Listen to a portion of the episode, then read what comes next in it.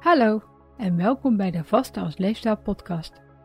Mijn naam is Amanda Kortman, ik ben gewichtsconsulent en omdat er zoveel slechte informatie over vasten verspreid wordt, hoop ik het met deze podcast zo te verduidelijken dat voor iedereen kan werken. Je vast al wanneer je langer dan 12 uur niks neemt wat vaste stopt, dus is makkelijker dan je denkt.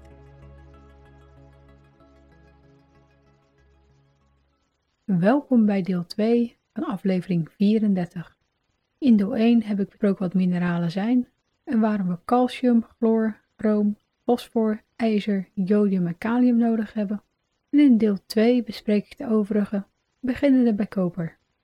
Koper zit niet alleen in veel goedkope sieraden, maar het is ook een nuttig mineraal voor ons lichaam zelf. Zo zorgt koper er onder andere voor dat ijzer wordt vastgelegd in hemoglobine, speelt het een rol in de zuurstoftransport en eiwitstofwisseling en is het betrokken bij de pigmentatie van onze huid en haar. Koper is ook belangrijk voor onze weerstand, het bindweefsel van onze huid en het helpt bij de energievoorziening van ons lichaam. Koper komt vooral voor in zeevis, schouw- en schelpdieren, orgaanvlees, noten, volkoren granen, groenten, fruit en cacao. En volwassenen hebben normaal gesproken 0,9 mg per dag nodig. De zwangeren hebben echter net iets meer nodig, zo'n 1 mg per dag, doordat tijdens de zwangerschap koper in de placenta en de baby wordt opgeslagen. Tijdens het geven van borstvoeding is zelfs 1,3 mg per dag nodig, om te compenseren voor de hoeveelheid koper die met de moedermelk aan de baby wordt doorgegeven. De maximale dagelijkse hoeveelheid die wordt aangeraden is 6 mg. En een teveel aan koper wordt meestal veroorzaakt door verontreiniging van eten en drinken. Je kunt het herkennen aan de volgende mogelijke symptomen: buikpijn, braken, diarree, misselijkheid en een overproductie van speeksel. Een tekort wil je natuurlijk ook niet hebben, maar dit kan leiden tot bloedarmoede, botafwijkingen en een verminderde weerstand. Als je gezond eet, krijg je normaal gesproken genoeg binnen, maar een te hoge dosis van vitamine C, vanaf ongeveer 1500 mg, kan de opname van koper in ons lichaam remmen. Magnesium is de volgende. En als je al mijn afleveringen hebt geluisterd, dan heb je er regelmatig wat over gehoord, aangezien vasten in het begin voor het tekort kan zorgen. Magnesium is dan ook het enige mineraal wat ik velen aanraad om extra te nemen. Allereerst hebben we het nodig voor de energiestofwisseling, de overdracht van zenuwprikkels, het goed functioneren van onze spieren en de spieropbouw, en hiernaast is het belangrijk voor de hart- en bloedvaten, onze botten, ons geheugen en onze gemoedstoestand. Veel mensen slapen er ook beter door, doordat het ontspannend werkt, waardoor het vaak daarvoor na het avondeten genomen wordt. Magnesium komt voor in veel voedingsmiddelen en het zit vooral in noten, pinda's, pitten, pulvruchten, fruit en volkoren granen en in mindere mate in cacao, koffie, groenten, vis, vlees en zuivel. Volwassen mannen hebben 350 mg magnesium per dag nodig en volwassen vrouwen 300. De maximaal aangeraden dosis voor magnesium uit supplementen en verrijkte voedingsmiddelen is 250 mg per dag, omdat het hierboven de kans op lichte diarree kan vergroten. Bij nierpatiënten worden magnesiumsupplementen over het algemeen afgeraden, dus start er niet zomaar mee. Voor voeding is er verder geen maximale waarde. De kans op een magnesiumtekort als je echt gezond eet is klein, maar de volgende symptomen kunnen erop wijzen irritatie van de zenuw in de spieren, spierkrampen en dan vooral in de benen, hartritmestoornissen, maagkrampen en vermoeidheid. Sommige mensen met restless leg syndroom zweren er ook bij, maar hier is tot nu toe slechts anekdotisch bewijs voor, dus de kans is groter dat ze een magnesiumtekort hadden dan dat het wat doet voor RLS. Stress is verder aan een magnesiumtekort gelinkt, maar het is nog onduidelijk of stress deels een oorzaak is of vooral een symptoom. Er zijn verder een paar factoren die de opname van magnesium beïnvloeden. Zo kan het teveel aan voedingsvezels ervoor zorgen dat magnesium niet goed wordt opgenomen en kan, zoals ik net al zei, vasten, maar ook ketogeen eten in het begin zorgen voor een tekort, zodat je lichaam te veel vocht loslaat en hiermee ook mineralen zoals magnesium. Hierdoor kan diarree trouwens ook zorgen voor een tekort. Vitamine B6 helpt juist met de opname van magnesium. Dat zit in veel van de voedingsmiddelen waar ook magnesium in zit, dus dat scheelt weer. Er zijn diverse vormen van magnesium en hoewel het supplement magnesiumcitraat de meest toegankelijk is en voor velen genoeg is, kan het soms de moeite waard zijn om voor een andere te gaan. Magnesiumcitraat wordt tenslotte vaak gebruikt bij spierkrampen. Het zou helpen bij de stofwisseling en het opbouwen van lichaamseiwit en het zou zorgen voor een vermindering van vermoeidheid en om beter te slapen. Niet al het onderzoek naar de verschillende vormen van magnesium is even goed en in veel onderzoeken wordt die niet gesplit, maar ik zal de meest gebruikte overige vormen en hun mogelijke voordelen even kort benoemen. Magnesiumbisglycinaat wordt vaak gebruikt voor de gemoedstoestand, het geheugen, bij vermoeidheid en voor een beter concentratievermogen. Magnesiumgluconaat is alleen op recept beschikbaar en dit wordt gebruikt bij ernstige magnesiumtekorten. Magnesiumlactaat heeft dezelfde voordelen als magnesiumcitraat en als je last krijgt van magnesiumcitraat is magnesiumlactaat een goed alternatief, doordat het vaak lichter valt. Van magnesium L-treonaat wordt gezegd dat het ons denkvermogen en geheugen positief beïnvloedt en er zijn aanwijzingen dat het kan helpen bij depressie. Magnesiummalaat wordt vaak gebruikt om vermoeidheid te verminderen, om te ontspannen en om de energiestofwisseling te bevorderen. Magnesiumsulfaat wordt vaak gebruikt in voetbaden of gewoon in bad ter ontspanning. Bij gevoelige mensen kan een bad met magnesiumsulfaat tot diarree leiden. Magnesiumtauraat lijkt gunstig voor de hart- en bloeddruk en voor een beter mentaal balans, geheugen en concentratievermogen.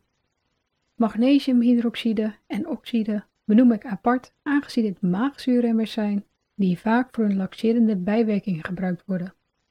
Ze gaan haast letterlijk dwars door je heen en deze vormen van magnesium verminderen dan ook de opname van andere mineralen en worden zelf ook amper opgenomen. Er zijn naast de net genoemde ook veel magnesiumsupplementen te koop die een combinatie van de verschillende vormen bevatten. Maar ook hier is geen echt bewijs voor, dus je zult ze zelf moeten uitproberen als je vermoedt dat je meer nodig hebt. De magnesiumstatus is helaas slecht in ons bloed te meten, maar met je huisarts overleggen voordat je ermee start kan natuurlijk nooit kwaad. Dit geldt uiteraard ook voor alle andere supplementen. Mangaan is het volgende mineraal en we hebben het nodig voor de vorming van botweefsel. Het is betrokken bij de stofwisseling van eiwitten, koolhydraten en cholesterol. Het beschermt de cellen tegen oxidatie en het ondersteunt ons energieniveau. Mangaan komt voor in volkoren granen, rijst, noten, bladgroenten, fruit, vlees, vis en thee en volwassenen hebben 3 mg per dag nodig. De maximaal veilige dosis voor mangaan is 11 mg per dag, aangezien het te veel beschadiging aan je zenuwstelsel kan veroorzaken. Dit komt eigenlijk alleen voor als je te hoog gedoseerde supplementen slikt, dus je kunt de voedingsmiddelen waar het in zit rustig blijven eten. Een tekort wil je natuurlijk niet hebben, want een langdurig tekort kan waarschijnlijk afwijkingen op skelet en hersenen veroorzaken. Dit is tot nu toe echt alleen vastgesteld bij proefdieren. Let er wel op dat mangaan slechter opgenomen wordt als je veel calcium, fosfaat en ijzer binnenkrijgt, maar ook dit komt meestal weer door de supplementen. Molybdeen is een mineraal wat eigenlijk nooit benoemd wordt, maar welke een rol speelt in de eiwit- en ijzerstofwisseling. Het komt vooral voor in pulvruchten, volkorengranen, noten, orgaanvlees, zuivel en eieren. Volwassenen hebben 65 microgram molybdeen per dag nodig en er zijn geen gevolgen bekend van het tekort of overschot. De maximale veilige dosis voor molybdeen is aan de hand van onderzoek bij ratten vastgesteld op 600 microgram per dag en er lijkt dus maar weinig over bekend te zijn. Gelukkig zit het in diverse voedingsmiddelen, waardoor de kans op een tekort klein is. Over natrium is natuurlijk veel meer bekend. Zo hebben we het nodig voor een goed vochtbalans, het samentrekken van onze spieren en voor de zenuwprikkelgeleiding. Je zult het echter het meeste kennen door het effect wat het kan hebben op onze bloeddruk. Zo worden we al jaren gewaarschuwd voor een overschot ervan in de vorm van keukenzout en alle producten waaraan zout wordt toegevoegd. Volwassenen hebben minimaal 500 mg natrium of ongeveer 1,5 gram keukenzout per dag nodig. En het advies is om niet meer dan 6 gram keukenzout per dag binnen te krijgen. Keukenzout is zoals ik in deel 1 al vertelde, een combinatie van 40% natrium en 60% chloride, waarvan voor zover bekend alleen natrium voor problemen kan zorgen, maar het advies versimpeld wordt naar zout. Als je puur gezond eet en vooral voor echt voedsel gaat, wat maar minimaal bewerkt wordt, en zelf niet al te enthousiast bent met het zout van je eten, blijf je hier makkelijk onder. Zout zit van nature in veel voedingsmiddelen, maar het wordt aan de meeste bewerkte producten extra toegevoegd om de smaak te verbeteren of om de houdbaarheid te verlengen, waardoor je al snel te veel binnenkrijgt. Dit wil je voorkomen, want op lange termijn kan dit ervoor zorgen dat je nieren en hart extra belast worden, waardoor een hoge bloeddruk en nierfunctiestoornissen kunnen ontstaan.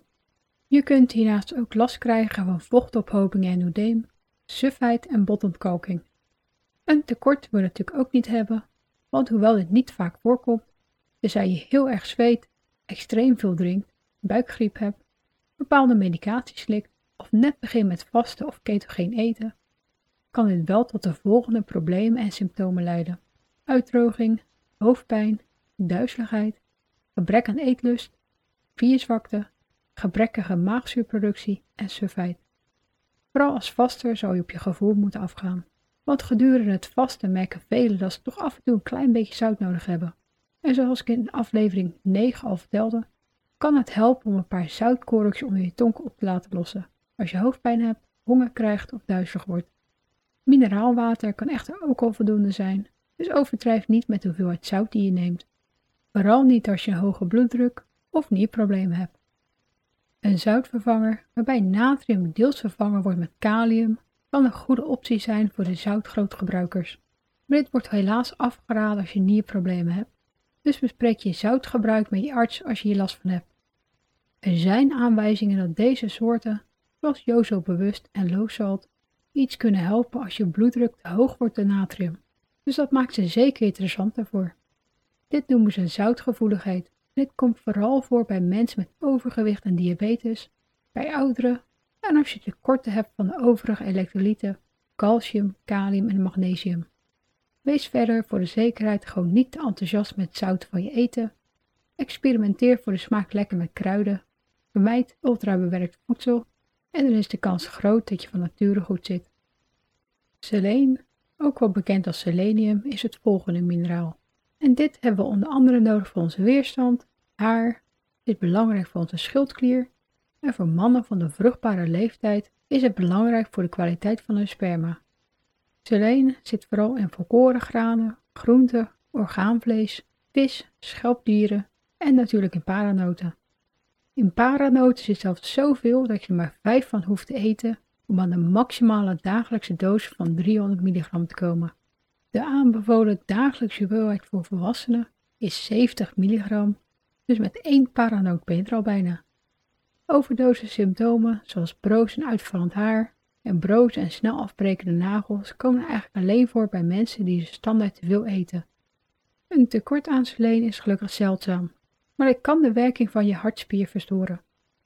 Zink is het laatste momenteel erkende mineraal en dit hebben we nodig voor de opbouw van eiwitten en de opbouw en afbraak van koolhydraten en vetten. Hiernaast speelt een rol in de glucosestofwisseling, ons afweersysteem en is het belangrijk voor onze huid, haar, nagels, botten, vruchtbaarheid, geheugen en smaak en reukzin. Zink zit in vlees, zuivel, schaaldieren, pulvruchten, zaden, rijst en verkoren granen. En volwassen vrouwen hebben 7 mg per dag nodig en mannen 9. De maximale dagelijkse dosis is 25 mg en meer kan leiden tot misselijkheid, braken, buikkrampen, diarree en op lange termijn ook bloedarmoede en een verminderde weerstand. Een tekort wil je natuurlijk ook niet hebben, want dit kan leiden tot een verminderde smaak, reuk en weerstand, huidafwijkingen en nachtblindheid. Echte tekorten komen niet vaak voor. Maar een teveel aan voedingsvezel en fosfor kunnen ervoor zorgen dat zink tijdens de maaltijd minder goed wordt opgenomen. Ik hoop dat je nu wat meer weet over het belang van de mineralen en probeer ze net als vitamines zoveel mogelijk uit echt voedsel te halen. Mineralen zelf top het vaste trouwens niet, maar de extra ingrediënten die veel supplementen bevatten wel.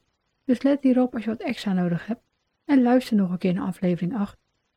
Voor de zekerheid is het natuurlijk het beste om ze gewoon tijdens je eettijd te nemen, aangezien sommige beter opgenomen worden met andere voedingsstoffen. In aflevering 35 bespreek ik drie vragen voor luisteraars. Heb jij nog vragen? Stuur ze dan via valerien.nl of de Vriend van de Show website.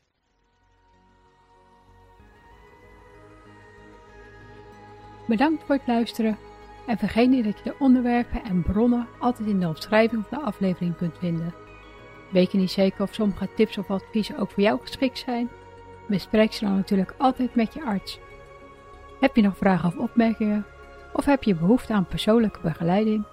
Kijk dan op valerien.nl voor meer informatie.